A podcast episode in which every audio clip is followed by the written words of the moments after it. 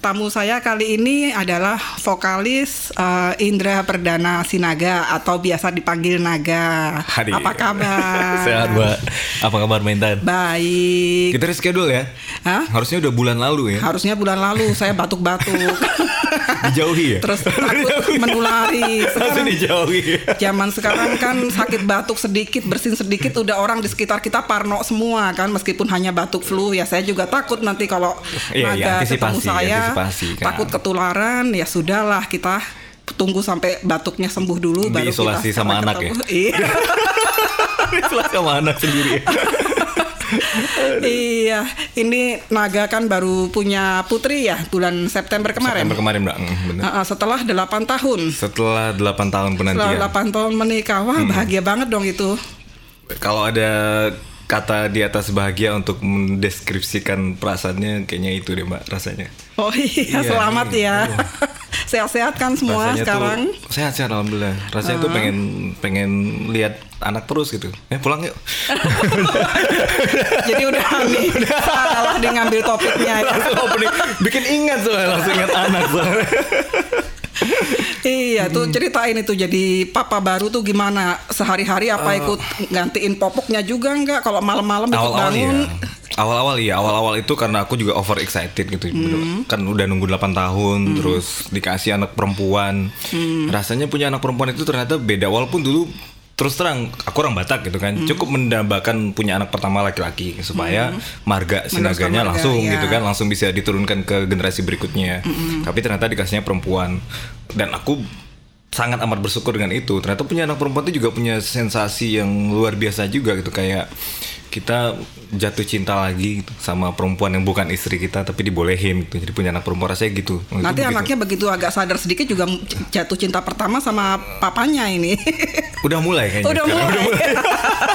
Dari situ tuh mulai tuh begitu. Mulai dari awal lahiran tuh ganti popoknya. Malam bang nangis dikit aku ikut bangun. Satu satu, satu malam tuh bisa lima enam kali bangun tuh aku ikut bangun. Sampai satu bulan itu bangun tuh bingung bangun tuh ngapain? Gitu. Udah udah diurusin juga sama sama ibunya kan sama istri gitu. Jadi lama-lama udah mulai santai. Di bulan kedua dia juga udah nggak terlalu sering bangun. Udah bangunnya tuh semalam cuma sekali dua kali. Bulan ketiga dia sama sekali udah tidur jam 8 bangun tuh di jam lima setengah enam pagi. Jadi udah nggak udah nggak bangun yang banyak udah nggak berkali-kali bangun. malam. terus aku juga udah mulai eh, apa melepaskan mengganti popoknya udah lah kerjaan istri tapi diurusin Udah sendiri kamu aja. sama Mbak Febinya ya sendiri sendiri Ah, Sekarang enggak, kita enggak sama suster enggak ada Enggak, ini. enggak. Oh, iya.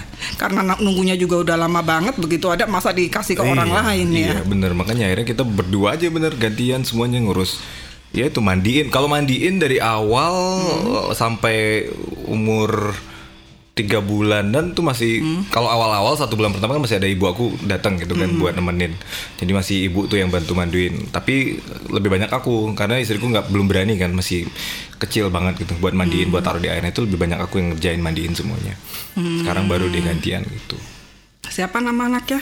Baik, hati. hati alias Sinaga Itu artinya Baik hati itu kita ngambilnya dari bahasa Afrika sebenarnya bahati. Afrikanya utara, selatan apa? Sebenarnya yang, cocok-cocokin aja gitu loh. kalau aku tuh sebenarnya dari kata baik hati sebenarnya gitu. Hmm. Baik hati. Cuman nyari-nyari kalau baik hati artinya apa ya? Ternyata adanya cuman bahati kan. Bahati Hmm. itu artinya eh, membawa keberuntungan. Hmm. Nah, kalau aku baik hatinya ya baik hati. Kalau aliyahnya itu artinya karunia Allah Subhanahu wa taala itu kan karunia Hmm. Tuhan. gitu. Jadi baik hati aliyah itu karunia Tuhan yang baik hati yang membawa keberuntungan. membawa keberuntungan ya dalam bahasa berada. mana pun artinya sama bagusnya lah ya. Amin, amin, amin. Iya mudah-mudahan sehat-sehat semua, pertumbuhannya uh, Amin. lancar dan Amin. segera bisa dapat yang momongan lagi yang Amin. laki-laki supaya ada penerus marga ya. Amin.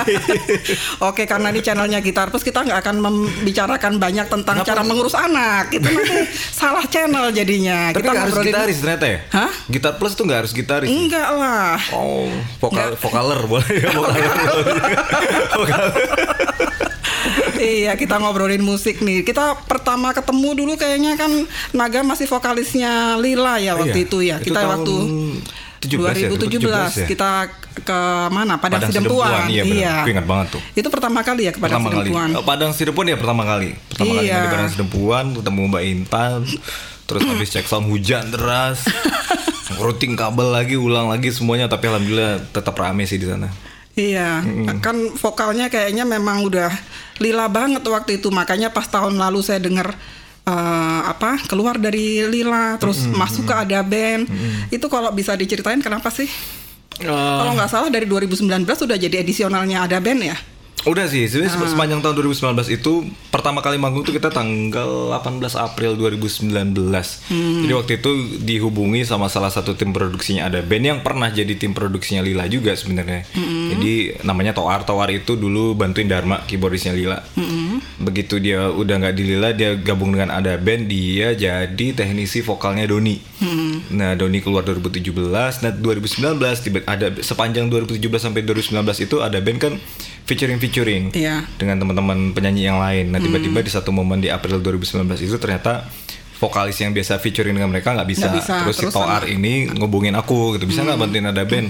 Kebetulan jadwalnya waktu itu bisa. Ya udah akhirnya kita cuma latihan satu kali perform Main di mana tuh pertama? Palembang. Palembang. Main di Palembang ternyata wah seru nih oke nih. Udah akhirnya sepanjang 2019 eh, ada band itu apa aku juga jadi jadi pilihan pertama teman-teman ada band untuk featuring setiap mereka perform off air. Jadi ada band featuring Naga, ada band featuring Naga sepanjang 2019 gitu. Terus dapat Nah. mungkin chemistry-nya. Chemistry-nya dapat, terus ya bukan hanya soal bermusik sih, ya bermusiknya ya ya Pertemanannya. pertemanannya semua. Akhirnya sepanjang tahun 2019 itu jalanin semuanya. Lila Lila juga masih jalan waktu itu. Terus aku juga sebenarnya udah punya Jadi mendua nih. project solo, Men mentiga malah.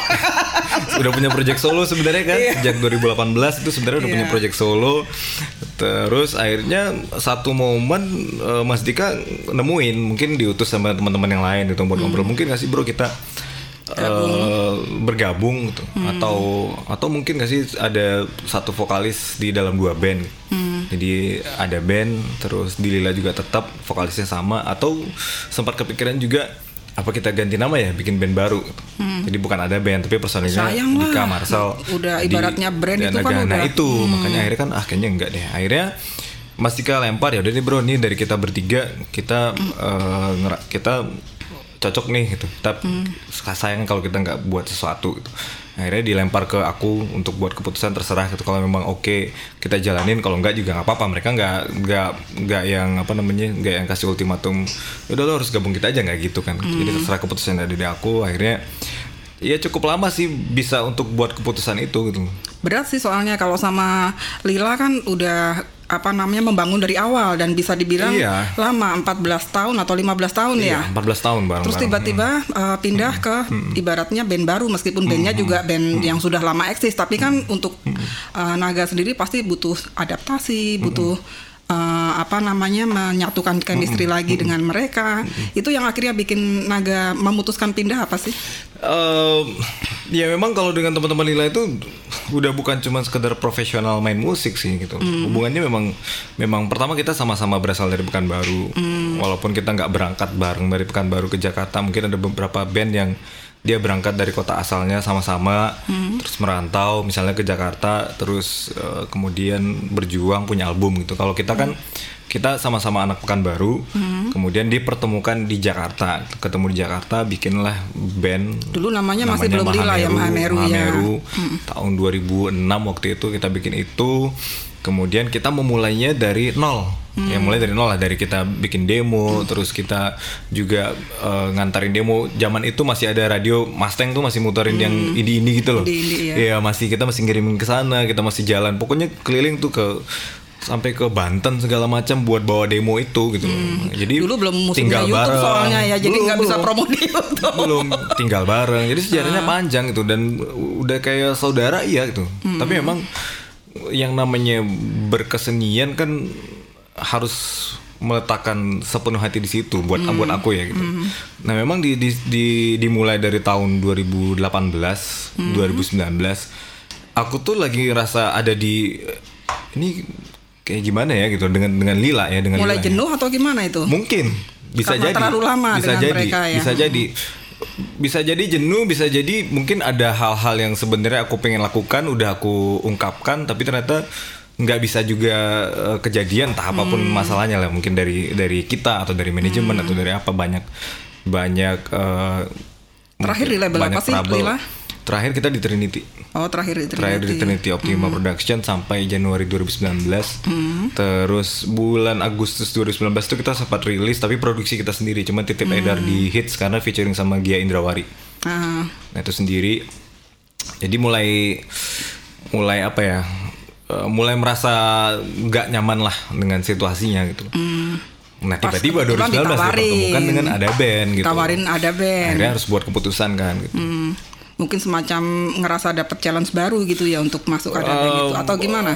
Merasa dapat challenge baru, kemudian apa lagi ya? Uh, aku sih nggak bilang bahwa Dila semua semuanya ada di pundak aku nggak juga gitu, nggak hmm. juga sih semua Rata, punya ya? kontribusi yang sama hmm. sebenarnya. Tapi memang begitu dia ada band, aku merasa lebih lebih ringan aja kali ya, merasa lebih ringan aja untuk untuk ngejalaninnya itu. Hmm. Kalau secara usia masuk ada band lebih muda nggak sih dibanding personil lain atau seumuran juga? Uh, paling tua. berarti memang paling emang muda. Udah tua. paling muda. Paling muda. Paling muda. Paling oh. Muda. Hmm. iya. Nah terus sama teman-teman Lila gimana tuh waktu memutuskan, wah saya mau coba wah. nih tantangan baru gitu, mereka gimana? Aku ngomong langsung sih, ngomong hmm. langsung. Walaupun sehari sebelumnya memang di grup. Itu hmm. bulan September 2019 aku tulis di grup tentang pengunduran diri terus bilang mau solo project terus hmm. bergabung dengan ada ada band juga hmm. yang pertama kali nelfon tuh Fahri gitaris Lila hmm. terus nelfon bang ini beneran nih tuh serius nih bukan prank kan gitu bukan prank serius beneran kenapa ya memang apa ya ya memang hatinya lagi nggak di situ gitu loh maksudnya hmm. bisa aja nih kalau misalnya mau diteruskan kita bikin karya lagi bisa bisa hmm. aja bahkan pada saat itu Lila juga masih punya banyak tabungan demo lagu gitu loh hmm. untuk kita rilis toh juga single terakhir yang dengan Gia Indrawari yang janji juga bagus gitu yeah. responnya juga bagus kita masih bisa teruskan tapi kan buat aku di atas panggung ataupun mengaransemen sebuah lagu bukan hanya soal kita apa namanya bukan hanya soal kita mencari peluang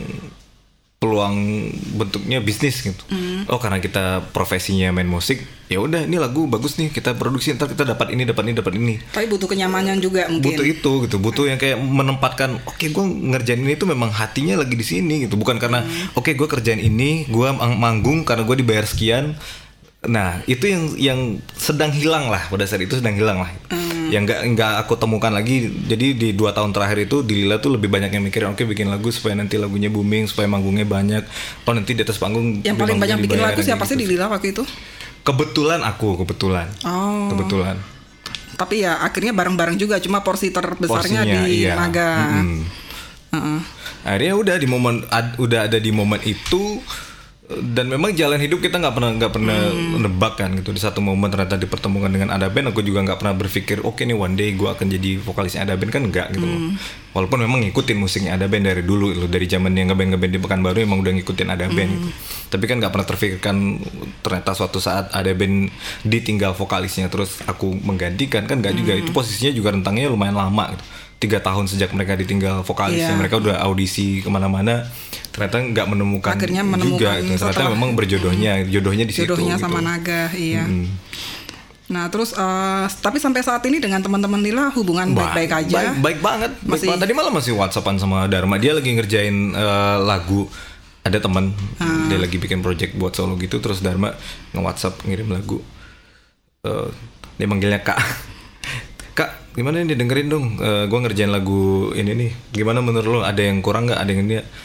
oh ya Kang coba ini bagian ini gini-gini masih masih sharing iya tapi untungnya mereka juga cepet banget ya langsung dapet vokalis baru ya bagus banget malah Iya, hmm. maksudnya eh, nggak uh, pakai kayak ada band itu kan tiga tahun baru dapat vokalis yeah, baru. Yeah, mereka yeah. kayaknya yeah. uh, naga keluar terus nggak lama mm -hmm. mereka udah dapat mm -hmm. vokalis baru mm -hmm. gitu. Jadi masih bisa tetap jalan lagi. Masih bisa ya. Iya.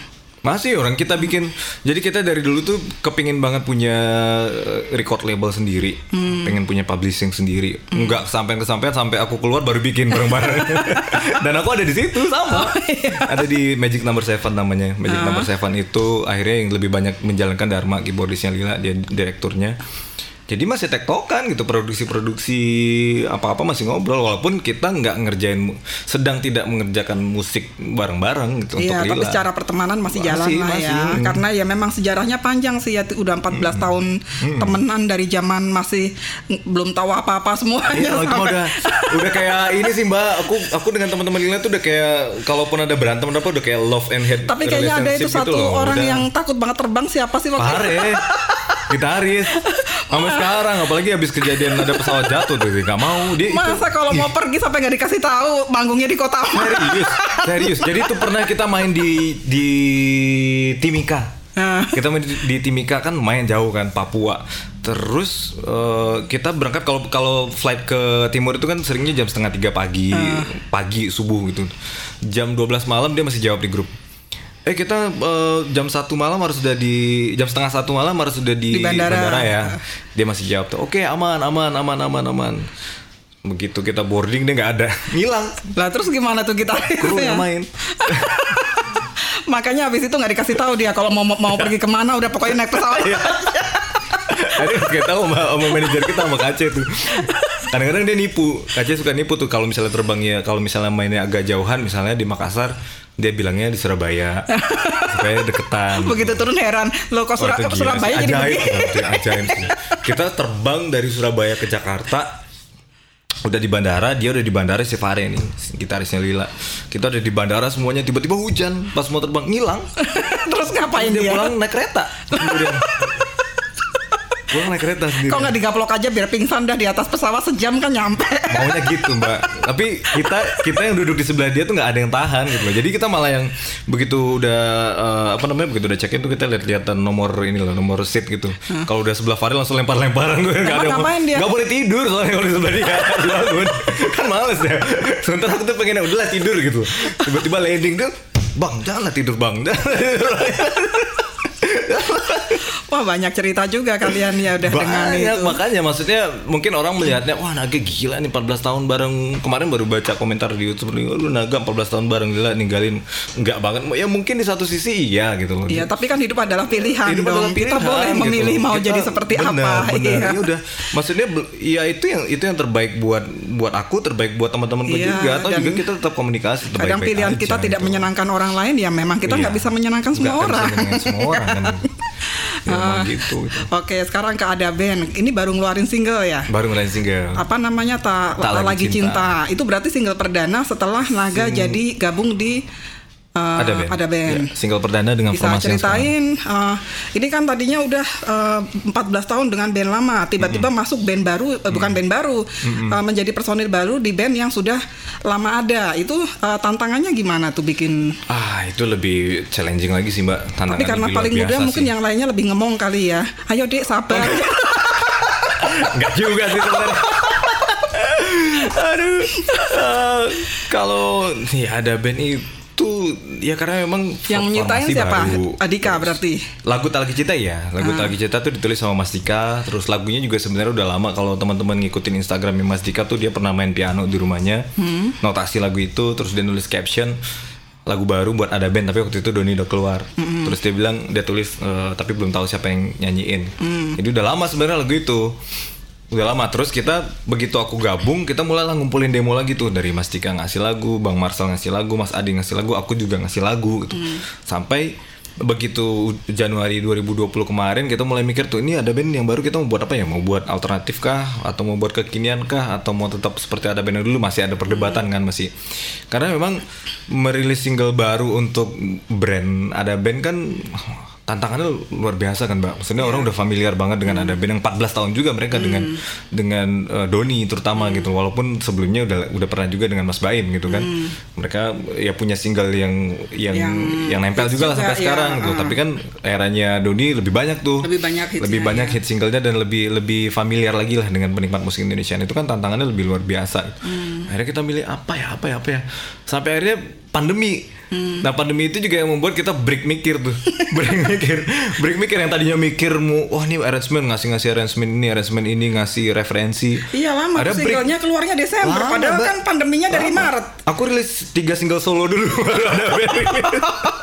Mikirnya lama karena emang bukan bukan bukan disengaja lama. Emang pada saat itu kita mikir mau bikin apa nih mau mau modern kah, mau kekinian kah, mau balik seperti ada yang biasanya kah, mau apa itu yang mikir dari intens mikir semua di grup sampai diem.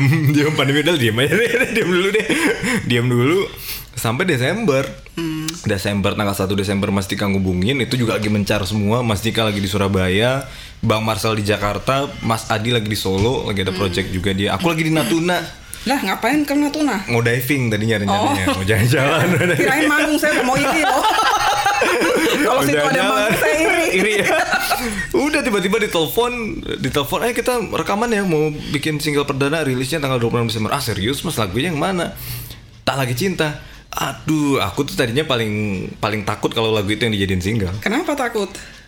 Satu lagu itu menurutku eh, nggak biasa, aku nggak biasa banget nyanyiin lagu yang model kayak gitu. Kayak gitu. Dari demonya udah berapa kali tag aku nggak pernah suka gitu.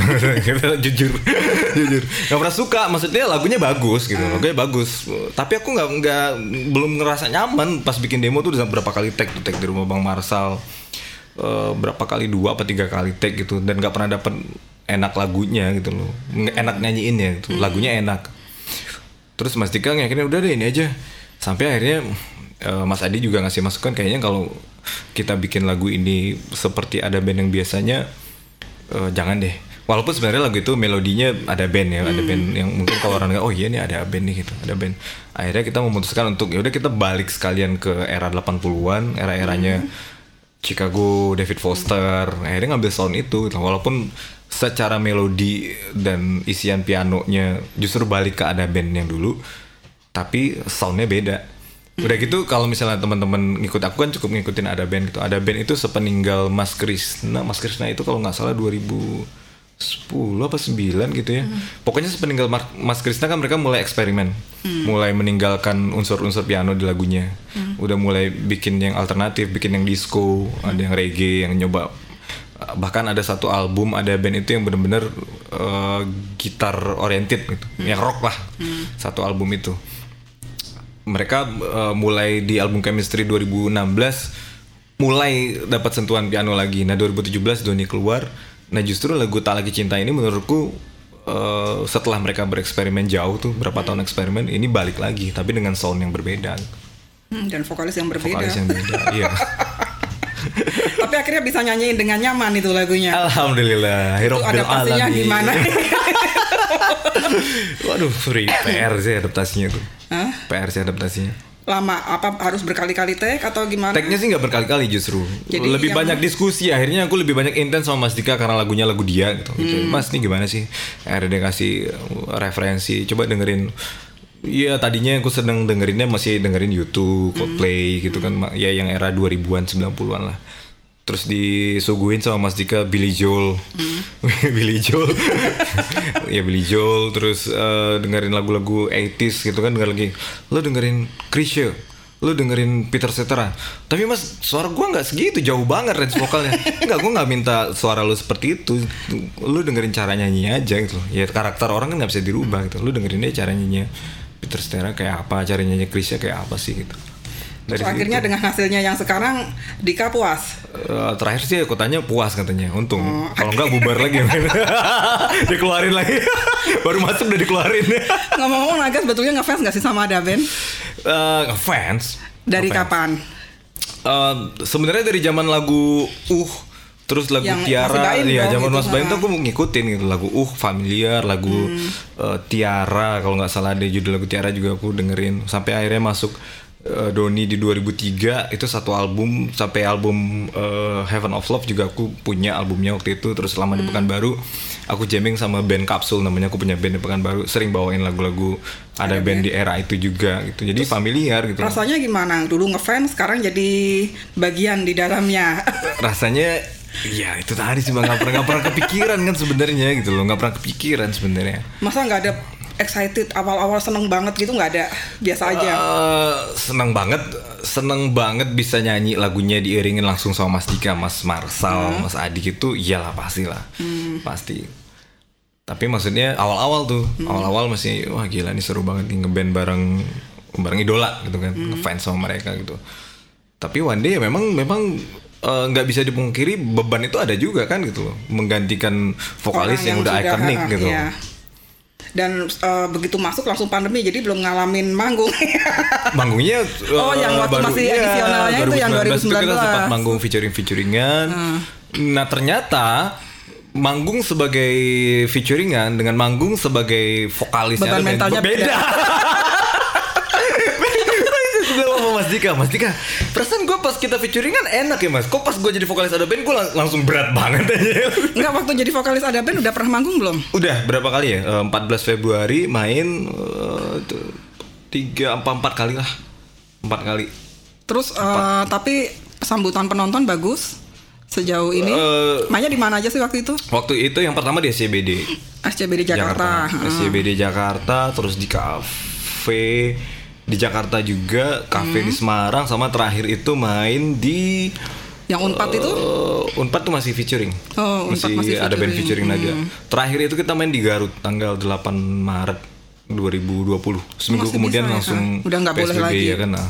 oh Itu. gitu nah sejak pandemi ini masih suka ngumpul nggak sih kalian Oh, atau cuman ngobrol di grup aja gitu nggak Terakhir kita kita ngerjain lagu Tak Lagi Cinta itu nggak ketemu jadi cuman itu di grup aja. Di grup aja main telepon teleponan Terus ini aransemennya tag baru kayak gini ketemu. ya begitu tagnya juga gak ketemu. Loh gitu sendiri ketemu sendiri di Jakarta aku ketemu. Jadi aku tuh aku yang jadi inilah jadi jadi penghubung yang menemukan Mas Dika Mas Marsal terus Mas Adi untuk ngerjain lagu Tak Lagi Cinta ya. Hmm. ketemu tuh aku sendiri yang yang ini yang tektokan yang ber- jadi tag drum di Jakarta tag Hmm. gitar di Jakarta. Terus aku juga ke studio di Jakarta pas Mas Adi tag drum sama tag gitar Hmm. tapi aku tetap aku berangkat ke Surabaya buat tag vokal sama Mas Dika. Jadi kan ketemu kan. Jadi kita nggak pernah ketemu berempat gitu. Nggak pernah Oh, ketemu gitu. berempat di studio ngeransemen lagu itu bareng-bareng dari nol nggak ada. Jadi selama pandemi nggak pernah kan band lain tuh ada yang konser online, Hmm. ada yang apa gitu nggak ada dong kalian? Ada sekali, tapi cuman yang berempat sih nggak ada sih. Cuman yang aku ke Bang Marsal gitar sama vokal doang ada sih Hmm. streaming waktu itu. Terus Oh. kita ketemu berempat pertama kali itu pas syuting musik video, pas syuting klip Tak Lagi Cinta di Surabaya. Di Surabaya? Baru ketemu berempat itu. Berarti Mas Adi sama eh, kalau aku udah ketemu pas tag vokal kan. Jadi pas Iya. tanggal tanggal 5 Desember itu tag drum sama tag gitar, tanggal Mm-hmm. 7 aku berangkat ke Surabaya buat tag vokal. Ketemu dong sama Mas Dika. Iya. Setelah nggak ketemu dari bulan Maret tuh. Iya. Baru ketemu Mas Dika. Terus kita syuting video klip Tak Lagi Cinta itu tanggal 23 Desember. Lama 23 banget ya Desember. nggak Itu. Hmm. kita bertiga berangkat ke Surabaya. Itu yang si Bang Marsal sama Mas Adi ketemu Mas Dika tuh kayak teman udah lama ketemu. Eh apa kabar? apa kabar? Tadi kasih ya, terpisah lama. Bisa lama ya. Baru kita ketemu pas syuting musik video. Oh gitu.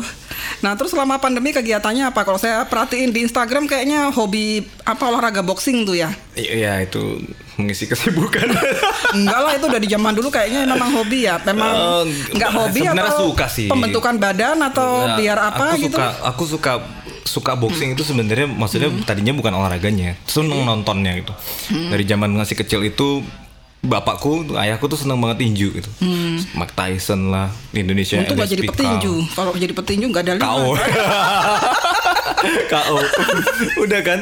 Jadi senang tuh nonton tuh Bang ngikutin tinju. Pokoknya era-era eh, sampai akhirnya dari era Mike Tyson sampai Manny Pacquiao gitu kan seneng banget tinju. Manfaatnya terasanya apa?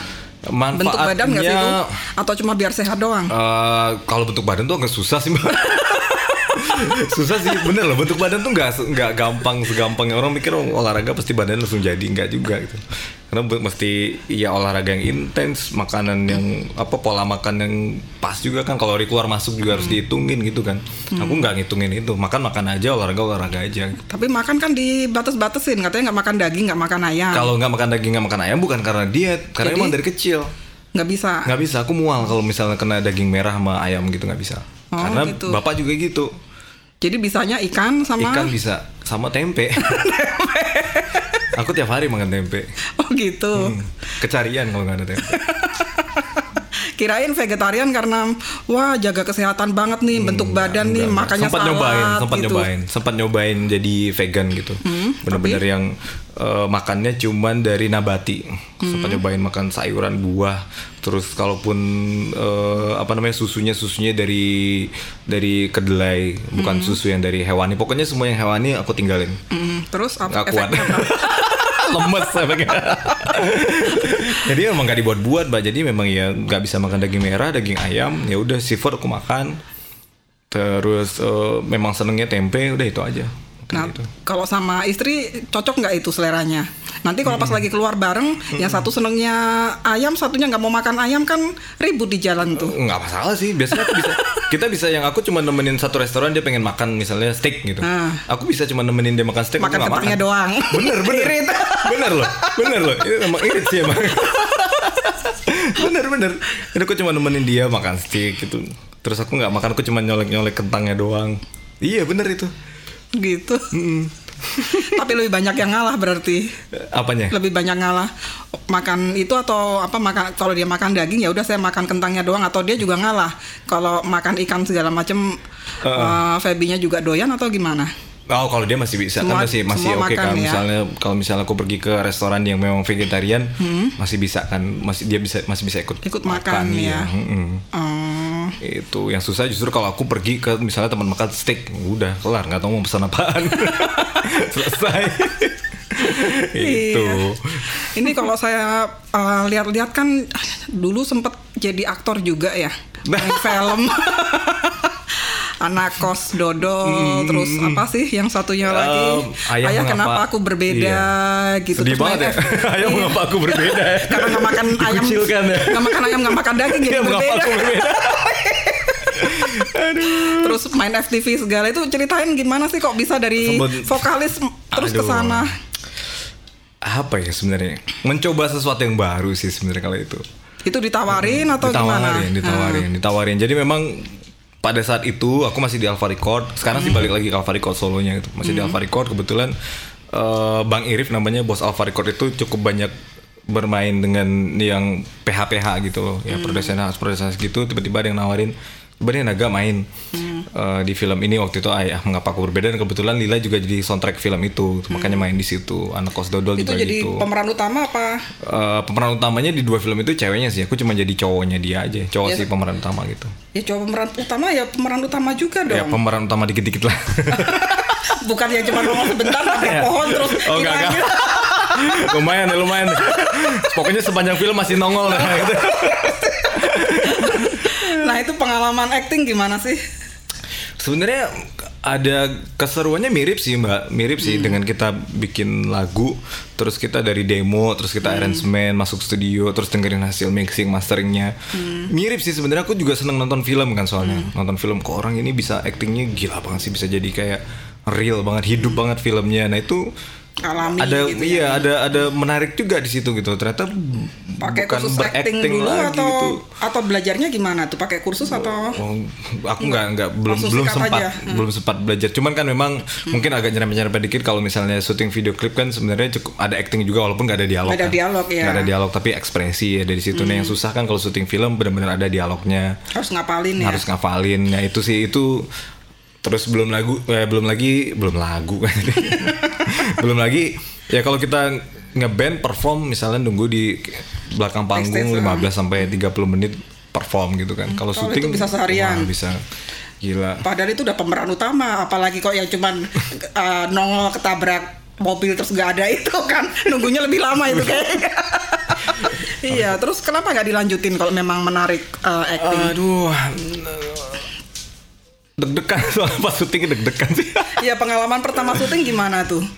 Takut salah dialog atau takut nggak hafal atau apa tuh yang Ya takut nggak ada nggak masuk ke ruh si karakternya aja sih yang paling susah itu sebenarnya. Uh, lawan mainnya memang pemain uh, apa namanya memang uh, aktris, aktor aktris, gitu. ah, gitu. Iya, yang pertama itu sama Dinda Hau, kalau yang ayah mengapa aku berbeda. Mm, yang kedua? Yang kedua anak kos dodol itu sama Ayu Dia, yang selamat. Nah, itu.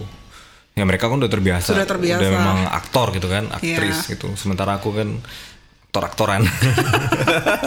Jadi cuma tiga itu atau ada lagi? Film FTV pernah FTV itu Yang itu Lila itu kan? bareng ya bareng sama teman-teman Lila semua sih berlima kita main itu FTV ya diangkat dari salah satu lagu Lila judulnya Akhir Cerita kalau nggak salah itu kita main semua sih Nah itu cuman jalan tiga terus nggak terusin lagi, udah mulai putus asa apa udah nggak ada yang nawarin lagi tuh? kayaknya nggak ada yang nawarin lagi Tadi dicoba nih uh, vokalis ganteng kali bisa acting nih gitu. oke begitu begitu tiga kali Udahlah. Kayaknya enggak deh udah biar dia nyanyi aja. Kayak- kayaknya enggak deh Oke. Gitu. Nah kalau rencana ke depan ada apa nih? Uh, ada band sekarang kayaknya lagi promo-promo radio segala macem ya. Kalau ada band sekarang ya lagi promo radio, terus kita juga nyiap, nyiapin sosial medianya, terus kita ngebangun YouTube-nya, terus kita nyiapin iya, konser streamingnya. Karena emang mau nggak mau sih mbak sekarang harus harus apa adaptasi dengan situasi kan kita Iya. benar-benar nggak tahu sampai sampai kapan Sampai pandeminya kapan? selesai. Meskipun udah ada vaksin juga kita Iya. divaksin belum tentu langsung Belum. normal bikin acara boleh ribuan orang bener, kumpul bener. kan. Dan industri kita tuh industri yang paling terakhir kayaknya bisa untuk dimulai lagi gitu kan, untuk bisa off air. Iya. manggung dengan orang rame gitu. Le- secara legal ngumpulin orang itu kan mungkin mungkin agak rumit. Agak ya. lama, makanya iya, kita harus itu. menyesuaikan diri juga. Itu ada band nyiapin single baru lagi. Setelah Hmm. Tak lagi cinta terus solonya eh, kemarin aku baru aja featuring sama Juliet. Hmm. Juliet band kayaknya Februari ini harusnya atau Maret nanti udah rilis. Kita ngecover ulang lagu yang pernah dinyanyiin sama almarhum Krisya yang judulnya Andai Aku Bisa. Hmm, emang Juliet apa uh, labelnya apa itu? Eh, dia sama labelnya labelnya KFC sih. Kayaknya mereka distribusi di KFC soalnya. Enggak, kalau um, bawain lagu yang Krisya gitu, terus urusan ininya segala macam. Kayaknya langsung sama sama eh, lagu itu kan yang nulis kalau nggak salah Mas Baby ya Mas Baby Romeo sama Mas Ahmad Dhani kayaknya langsung ke mereka deh? Oh gitu, bukan ke labelnya ya? publishing biasanya kalau itu kan Oh. aku nggak tahu publishingnya Mas Baby sama Mas Dhani di mana kalau misalnya kita mau nge-remake lagu Mhm. itu sebenarnya urusannya dengan publishing Oh gitu. Hmm, bukan dengan Bukan label. dengan label, ya? Oh. Nggak selalu kan, nggak selalu. Walaupun sekarang beberapa label akhirnya bikin publishing sendiri, tapi Hmm. nggak selalu eh, lagu yang misalnya rilis rilis di label A, tapi publishingnya juga di label itu belum tentu sih. Oh gitu. Uh, terus apalagi yang disiapkan? Terus nyiapin Kalau streaming itu mau ngapain? Uh, rencana streaming streaming itu? minta donasi kan? Konser online terus Iya ini konser gitu. online ya paling enggak gini sih maksudnya memang aku lihat sendiri di sosial medianya ada band kan kita beberapa kali bikin konten uh, vlog Hmm. vlog kita lagi jalan di radio vlog kita lagi apa-apa apa lagi produksi segala macam tapi kan mungkin arm ada itu nama fanbase-nya ada band juga mereka ya sosial media kalau misalnya gitu-gitu aja cukup membosankan juga kan. Akhirnya ya udah kita coba untuk live perform dari studio. Minimal ya bisa mengobati kerinduan armadanya dengan perform live-nya ada band gitu. Ya, kalau memang nanti ke depannya kita nggak tahu gitu industri industri pertunjukan akan, akan seperti apa. seperti walaupun apa, kemarin iya. udah dicoba juga showcase showcase streaming kan. Sebenarnya lagi kayak trial and error sih sebenarnya sampai sekarang. Sampai formula yang pas tuh seperti apa. Gitu. Hmm, tapi ya sebetulnya ada hikmahnya juga ya karena Hmm. nggak ada panggung-panggung, lebih banyak waktu di rumah, lebih banyak waktu buat keluarga kan. Kebetulan lagi punya bayi juga Ah, iya, jadi iya sih, Mbak. punya waktu lebih banyak kan dengan keluarga. punya waktu lebih banyak bener banget Kalau selama ini kan uh, istri-istri musisi itu pada wah kalau weekend nggak pernah ketemu suami, boro-boro deh segala macem. Sekarang tergantung istrinya sih mbak Kenapa? tergantung istrinya kalau istrinya lebih seneng nggak apa-apa nggak pulang tapi rekeningnya daripada pulang rekeningnya nggak ada kan lebih pusing juga gitu. kayaknya lebih seneng di rumah terus tapi rekeningnya banyak. itu sebenarnya iya itu, Itu piara tuyul mungkin. Iya Kalau- kan itu kalau nemu ujian caranya sebuah nggak- rumah tangga. Ngajarin saya mas kalau tahu caranya itu diem aja di rumah tapi rekeningnya banyak terus. Gimana itu? Bisa di share itu. Yang lain pasti ingin tahu semua ini teman-teman. Gabunglah di MLM yang baru buka. Potensinya booming. Ah, gitu ya. Tapi benar sih itu serunya sih. Maksudnya aku 8 tahun eh, balik lagi ke obrolan yang punya anak tadi 8 tahun nunggu terus belum dikasih ah, sampai akhirnya dikasihnya setelah eh, ternyata pas lagi pandemi gitu ternyata emang bener sih aku bisa nikmatin momen demi momen dengan anakku gitu Karena itu nggak terulang. tidur. itu bener-bener nggak itu nggak terulang. terulang jadi eh, apa namanya saya sampai anak saya SMA itu masih nganter sekolah Eh, suami saya tadinya nanya ngapain kita antar sekolah dia mumpung anaknya masih mau nanti kalau Iya, misalnya anaknya udah nggak mau kita punya banyak waktu kita punya uh, Iya. ini segala macam kita udah nggak bisa ngulang momen itu Iya, ya, jadi itu ya luar biasa. Itu bayi itu kan baru umur lima bulan. iya Jadi kalau kita misalnya jalan ke rumah keluarga gitu, terus dia lagi cranky gitu, lagi nangis Hmm. Nangis terus, ah. Yang bisa diamin cuma Nenangin. papanya gitu. mamanya nggak bisa Mamanya nggak bisa. Dia bener-bener begitu diangkat sama papanya dia langsung diam gitu kayak gila tuh. Tapi nanti tiba-tiba ada satu momen kali ya begitu dia udah ABG males gitu deket sama papanya gitu. Pasti kan. Tapi kalau lima bulan belum sadar dong kalau papanya pergi dia nyariin gitu udah sadar belum Kayaknya belum sih. belum atau pa- papanya pulang dia langsung kelihatan seneng gitu Oh, udah. Kalau udah, udah. udah bisa Udah, udah, udah. bisa ini Hmm, nunjukin udah, ekspresi udah, ya udah. sama papanya digendong dia langsung kelihatan Udah, ceria udah, gitu udah. wah lagi seneng senengnya dong kalau kayak gitu bayangin kalau itu uh, terjadi pada saat jadwal panggungan Iya kan, tiba-tiba rame di rumah cuma gitu tahu-tahu kan, ya. Rama nggak ketemu Pulang anaknya udah masuk TK. Iya sih, itu yang tak tergantikan. Iya yang tak tergantikan di situ. Ceritain ini dong bikin bikin lagu, bikin Ah, lagu. ah. Itu uh, butuh waktu berapa lama sih dulu kan mulainya Hmm. masih umur uh, berapa tuh waktu awal-awal bikin lagu Aku tuh? bikin lagu pertama kali itu masih SMA waktu itu. Katanya SMA jadi SPB. Tamat SMA, Ah, tamat SMA. Aku pernah jadi SPB, Sales Promotion Boy, bukan SPG ya. SPG, SPG ya kerjanya hampir mirip sih sebenarnya itu nawarin rokok, Jadi, nawarin event rokok. Duluan mana jadi SPB apa bikin lagu? Eh, berbarengan. Berbarengan. Bareng karena aku begitu tamat SMA terus Hmm. tadinya tuh aku cita-citanya memang cuma pengen jadi polisi gitu karena bapak polisi gitu terus nggak kepikiran mau kuliah Tapi hobinya boxing. macam. Ini banget random banget. hidupku hidupku tuh emang random mbak hidup hidup aku tuh bener-bener random gitu hidup aku tuh random eh tapi diperjuangkan gitu random tapi diperjuangkan bener-bener random gitu aku pengen jadi polisi satu-satunya yang yang aku planning kan pada saat itu pada saat SMA adalah memang mau masuk polisi. Aku ikut ekskulnya paskibra ekskulnya yang pasus gitu lah yang baris berbaris segala macam. Mempersiapkan latihan-latihannya untuk Tinggi masuk cukup. polisi. Tinggi cukup berat cukup Cuman semuanya lah. gigi bolong-bolong. gigi bolong-bolong. Bolong udah nggak selamat. Iya. akhirnya ikut. Tes di tahun itu ternyata belum nggak lulus. Terus aku juga pada saat SMA kelas 3 itu nggak pernah nggak memikirkan aku nggak ikut eh apa waktu itu? UMPTN ya? UMPTN ya nggak ikut itu nggak daftar kuliah nggak apa-apa so, pokoknya aku mau masuk polisi deh taman SMA gitu. Ternyata nggak lulus terus sementara teman-temanku udah pada berangkat Kuliah. ke Jogja.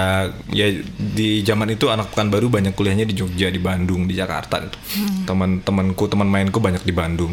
Itu kampus-kampus udah pada tutup pendaftaran. Waktu itu aku inget yang yang masih buka tinggal dua kalau nggak salah.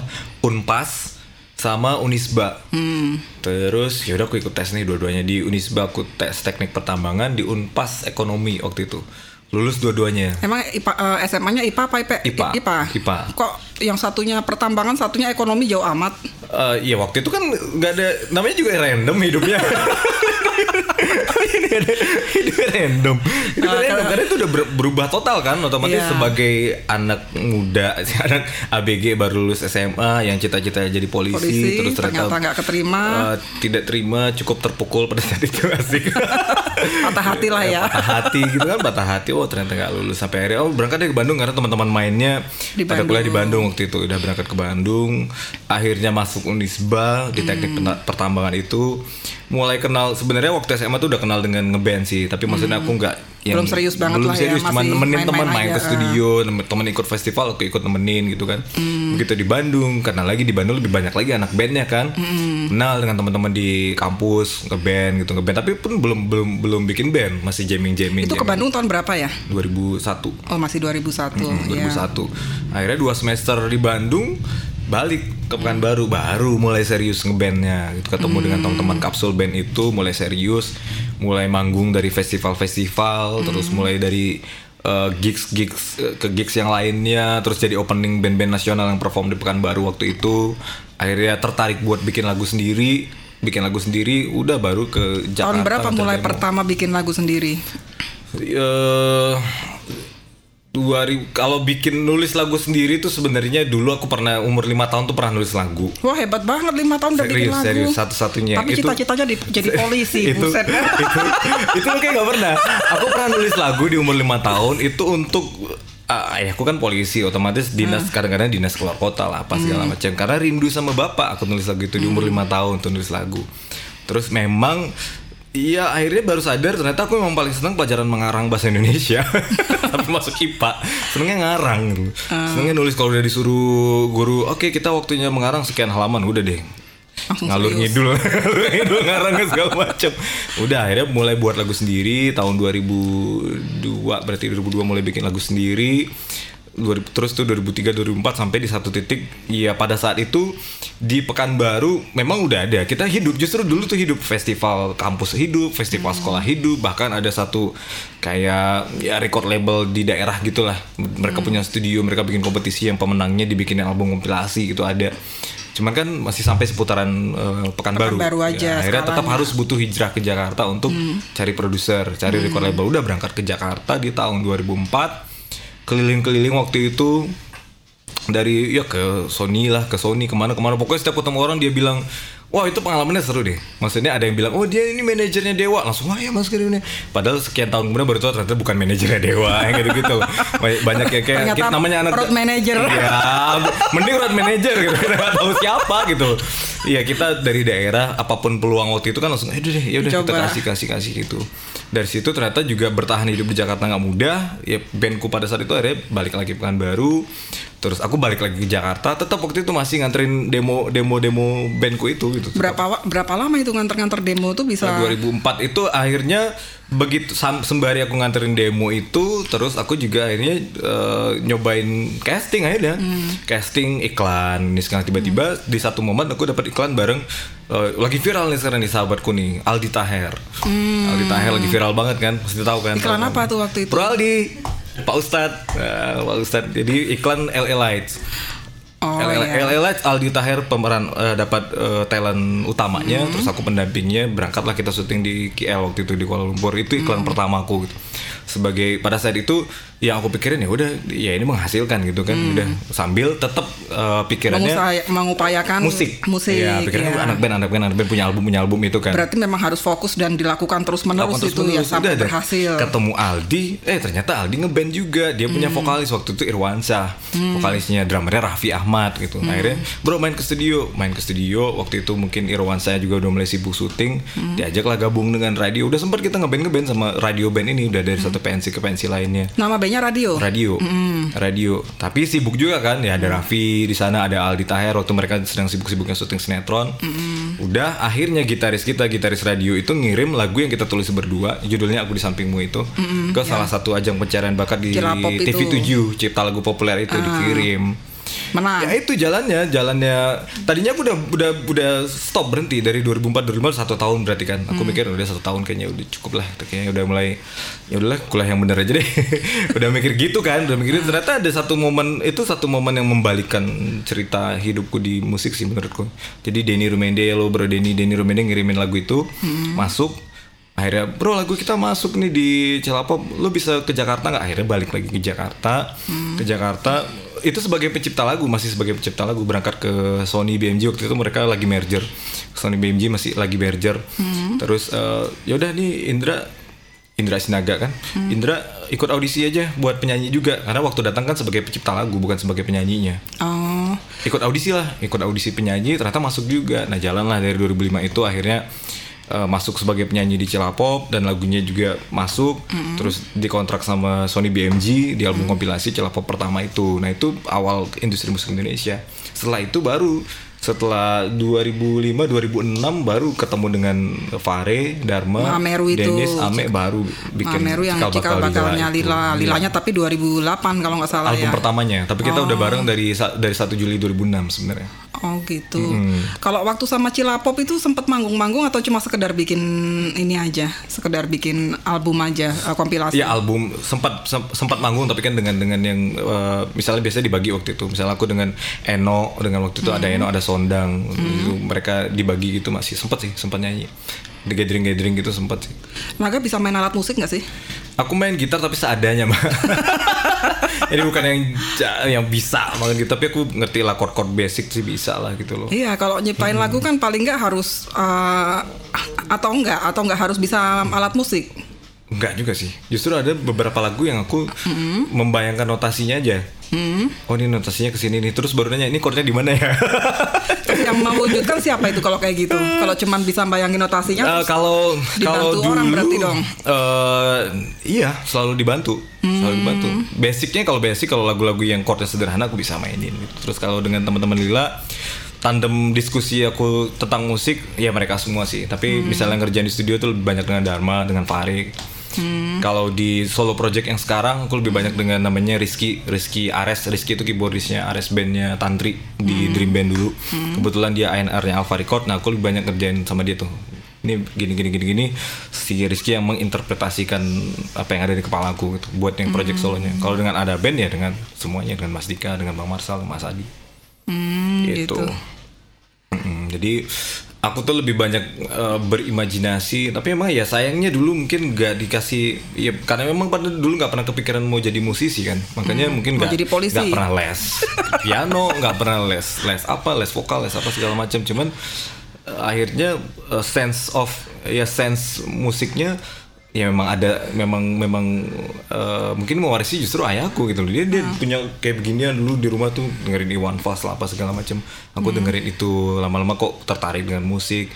Lama-lama punya apa namanya punya apa eh, feeling lah gitu feeling dengan Feeling musik. bikin ya feeling lagu. bikin lagu. Itu kan kan nggak selalu kadang-kadang ada yang orang dia jago banget main main alat musik belum tentu bisa, Bisa bikin, bikin lagu, iya. ada yang begitu kan dia Ada. oh jago banget segala macam chord dia bisa tapi begitu nulis sebuah lagu justru eh, belum tentu bisa ada juga yang sebenarnya nggak bisa main alat musik tapi bisa eh, bikin notasi bikin lirik gitu. Kalau yang di Lila dulu lagu yang dibikin Naga yang mana sih?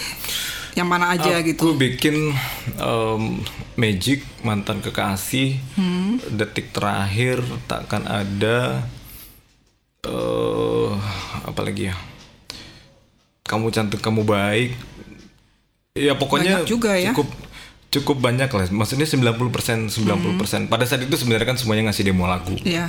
Fahri bikin lagu, Dharma kita push teman-teman yang lain juga bikin lagu, terus Dennis ayo bikin lagu, Divin, Ame drummer pertama kita juga ayo kita bikin lagu, dan aku juga bikin lagu. Terus begitu kita mau ngerilis kita sodorin semuanya. Ya udah, bebas aku juga nggak yang gue maunya ini nggak gitu juga sih. Bener-bener ya udah ini mana mana mana mana gitu. Mana yang dipilih. Nah kebetulan memang sampai saat itu lebih banyak lagu aku gitu pada saat itu. Oh berarti jadi vokalis itu waktu awalnya waktu di Cilapop itu atau yang pas ngeband ngeband itu yang sama kapsul itu udah Udah vokalis? vokalis, udah vokalis. Oh berarti dari awal memang vokalis ya, nggak nggak nggak ke mana-mana ya memang ya. Nggak. Emang nggak bisa, Pak. Bisanya nyanyi. Tapi kok nggak pernah nggak pernah pengen belajar alat musik? Pengen sih, Mbak. pengen beneran, beneran. Pengen banget, pengen banget. Pengennya Saya belajar alat musik apa? Piano gitu ya, main gitar gitu, pengen. Cuman emang sedangkan bernyanyi aja aku kan otodidak gitu. Hmm. Maksudnya ya aku mengenal ya nggak fals lah. Masih Hmm. masih sekedar awal-awal aku ngeband yang, yang jelas aku nggak fals. Aku nggak Hmm. mikirin placing suaranya di mana, gimana eh, sound yang dihasilkan gimana, nggak kepikiran itu. Hmm. Even sampai album pertama Lila rilis, aku masih bernyanyi yang penting aku nggak fals, nggak mikirin. Pada saat itu di kepala aku belum ada pikiran, oh nyanyi itu harus pakai diafragma, harus pakai ini itu nggak ada gitu loh, nggak ada. Memang bener-bener pada saat di Pekanbaru itu ada namanya Bang Imam. Bang Imam itu musisi di, di Pekanbaru lah. Dia udah ngeband lebih lama segala macem. Cuman dari ngobrol-ngobrol di kampus gitu terus dia bilang, kayaknya suaranya si Indra nih bagus nih suaranya coba deh jamming jamming jamming jamming jamming. Pada saat itu bawain creep bawain live house the calling yang gitu-gitu. Tapi aku bernyanyi seadanya se ya, nggak fals gitu loh. Seadanya dengan soul yang aku punya aja gitu nggak kepikiran macam-macam sampai sekarang pun masih belajar tuh sampai sekarang masih belajar akhirnya tahu oh placing begini oh nyanyi pakai diafragma tuh gini-gini. Ya sampai sekarang masih pencarian sebenarnya gitu. Proses kan proses pencarian Iya. yang tidak habis-habisnya Tapi Asik. kalau secara jam terbang udah banyak sekali dong ya. masih udah belajar sih tahun masih lah. belajar sih sampai Jangan masih merendah gitu. serius serius serius masih belajar Ben- bener-bener masih masih Ini apa ya masih masih belajar terus aku tuh kemarin tuh satu tahun di awal pandemi di bulan Maret sampai bulan Oktober 2020 tuh aku les vokal baru sekarang les vokalnya. iya sempat belajar maksudnya sempat pas di awal-awal les sempat belajar sama Mas Dodi. Sama Mas Dodi Katamsi sempat belajar. Di Celapop punya kesempatan belajar sama Mbak Uci Nurul gitu kan. Terus eh, waktu di Trinity sempat sekali sekali dua kali coaching sama Mas Indra Aziz gitu kan. Sampai akhirnya yang bener-bener aku masuk ke sekolah vokal yang memang inisiasi aku sendiri baru justru pas pandemi kemarin. Hmm, bulan Maret sampai Oktober tuh sama Mbak Oti Jamalus oh. Terus ngerasa ada perubahan sekarang setelah les Eh, vokal? sebenarnya Paling enggak selama ini sebenarnya ada plus selama ini minus prakteknya sek- terus sekarang tiba-tiba belajar ada plus, teorinya plus minusnya gitu ya. balik lagi ke orang yang kita itu kan kayak apa ya kayak tools kan tools Hmm. tools kita jadi tahu maksudnya untuk misalnya main gitar menggunakan oh ini skillnya butuh apa nyanyinya butuh Hmm. diafragma butuh ini butuh itu di satu sisi eh, bagus banget Hmm. untuk mensupport kayak misalnya kita udah punya udah punya skill bernyanyi misalnya tujuh Hmm. tapi sebenarnya kita cukup keluarin lima untuk nyanyiin lagu tertentu gitu Hmm. tapi di momen lain justru apa ya sempat membuat aku yang kayak malah jadi mikir gitu. Malah jadi mikir. Malah jadi mikir. Sebenarnya kan enggak itu sebenarnya mungkin itu hanya masalah masalah belum terbiasa aja sih. Begitu memang benar-benar Begitu tahu ilmunya gitu jadi Ya. wah ini harusnya begini nih, harusnya Nah, begini nih. sebenarnya nggak boleh gitu kan. Sebenarnya nggak boleh gitu. Bernyanyi itu kan sebenarnya soal soal soul soal menyampaikan lirik. Ah. makanya kadang-kadang ya nggak semua teori bernyanyi itu ternyata juga bisa menyampaikan pesan dari sebuah lagu belum tentu gitu loh. Rasa Iya. itu nggak selalu dengan dengan teknik yang yang luar fantastis baru bisa nyampe. Kadang-kadang yang yang biasa aja justru malah bisa nyampe gitu loh, tergantung kebutuhannya gitu. Instagramnya, sosial medianya ada band dan uh, Naga sendiri. Apa barangkali biar bisa di follow. Ah, apa sih mbak? Sapaannya mbak Hah? Gitar Plus ini ada nggak Belum sapaan khusus ada. belum ya kita bikin Belum. Gitar Plus Tadi? Kat katanya punya TikTok segala kan. TikToknya apa biar di follow sama teman-teman. Aduh, Instagramku tuh @ip sinaga, ip sinaga. Terus ada band itu, ada band official Instagramnya, Twitternya Indra underscore Sinaga, Facebooknya Indra Perdana Sinaga. Terus aku juga punya YouTube channel namanya Nagatube. Nagatube di situ juga ada, ya itulah sebenarnya lebih banyak vlog aja sih. Sama bikin beginian juga podcast. Kayaknya podcast-podcast kemarin kenapa nggak diterusin itu? Eh, sebenarnya itu obrolan kita tadi ya konsisten tuh susah loh bener. konsisten tuh susah sih sebenarnya tapi ya ya kadang-kadang gini aku tuh tadinya awalnya ini termasuk obrolan TikTok termasuk obrolan podcast segala macam aku mikirnya ya Naga kan nyanyi gitu loh nyanyi bikin lagu gitu loh brandingnya itu kan gitu. tapi terakhir-terakhir kan aku lihat semua orang berpodcast Iya. ya kalau kayak Mbak Intan kan memang di Gitar Plus Iya. punya background itu gitu loh, punya diskusi soal Gitar Plus gitu soal musik nah aku berpikir nih kalau semua orang jadi host ini tamunya siapa gitu semua orang jadi host semua Tetap gitu pada kan. pasarnya tenang aja. jadi host semua gitu loh sempat mikir eh ini vokalis ini jadi host ini vokalis ini bikin podcast bikin aku tuh sempat yang itu sebenarnya akhirnya yang yang jorokin udah lu bikin podcast tuh sebenarnya Alpha Alpha Record tadi aku nggak mau gitu loh kayak udahlah maksudnya udahlah jadi tamu aja lah gitu semuanya jadi host ntar tamunya siapa gitu semuanya host semua. Akhirnya udah akhirnya bikin juga. Kalau TikToknya apa tadi? TikToknya TikTok Naga Eh, udah ada banyak isinya isinya. sih.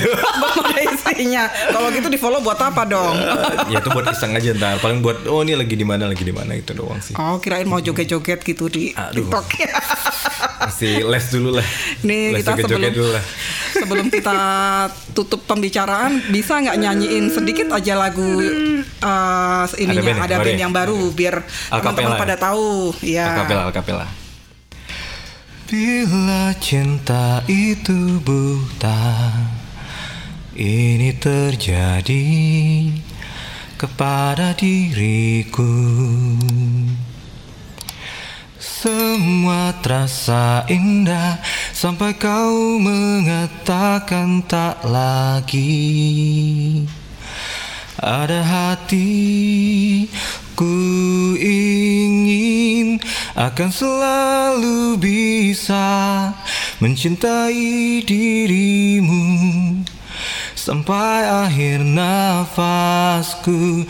Dan kini akhirnya kau tinggalkan ku menangis sendiri. Mampukah aku bertahan Oke terima kasih. Thank you, Maintan. Semoga sehat-sehat selalu Sehat selalu juga, Mbak. sukses selalu.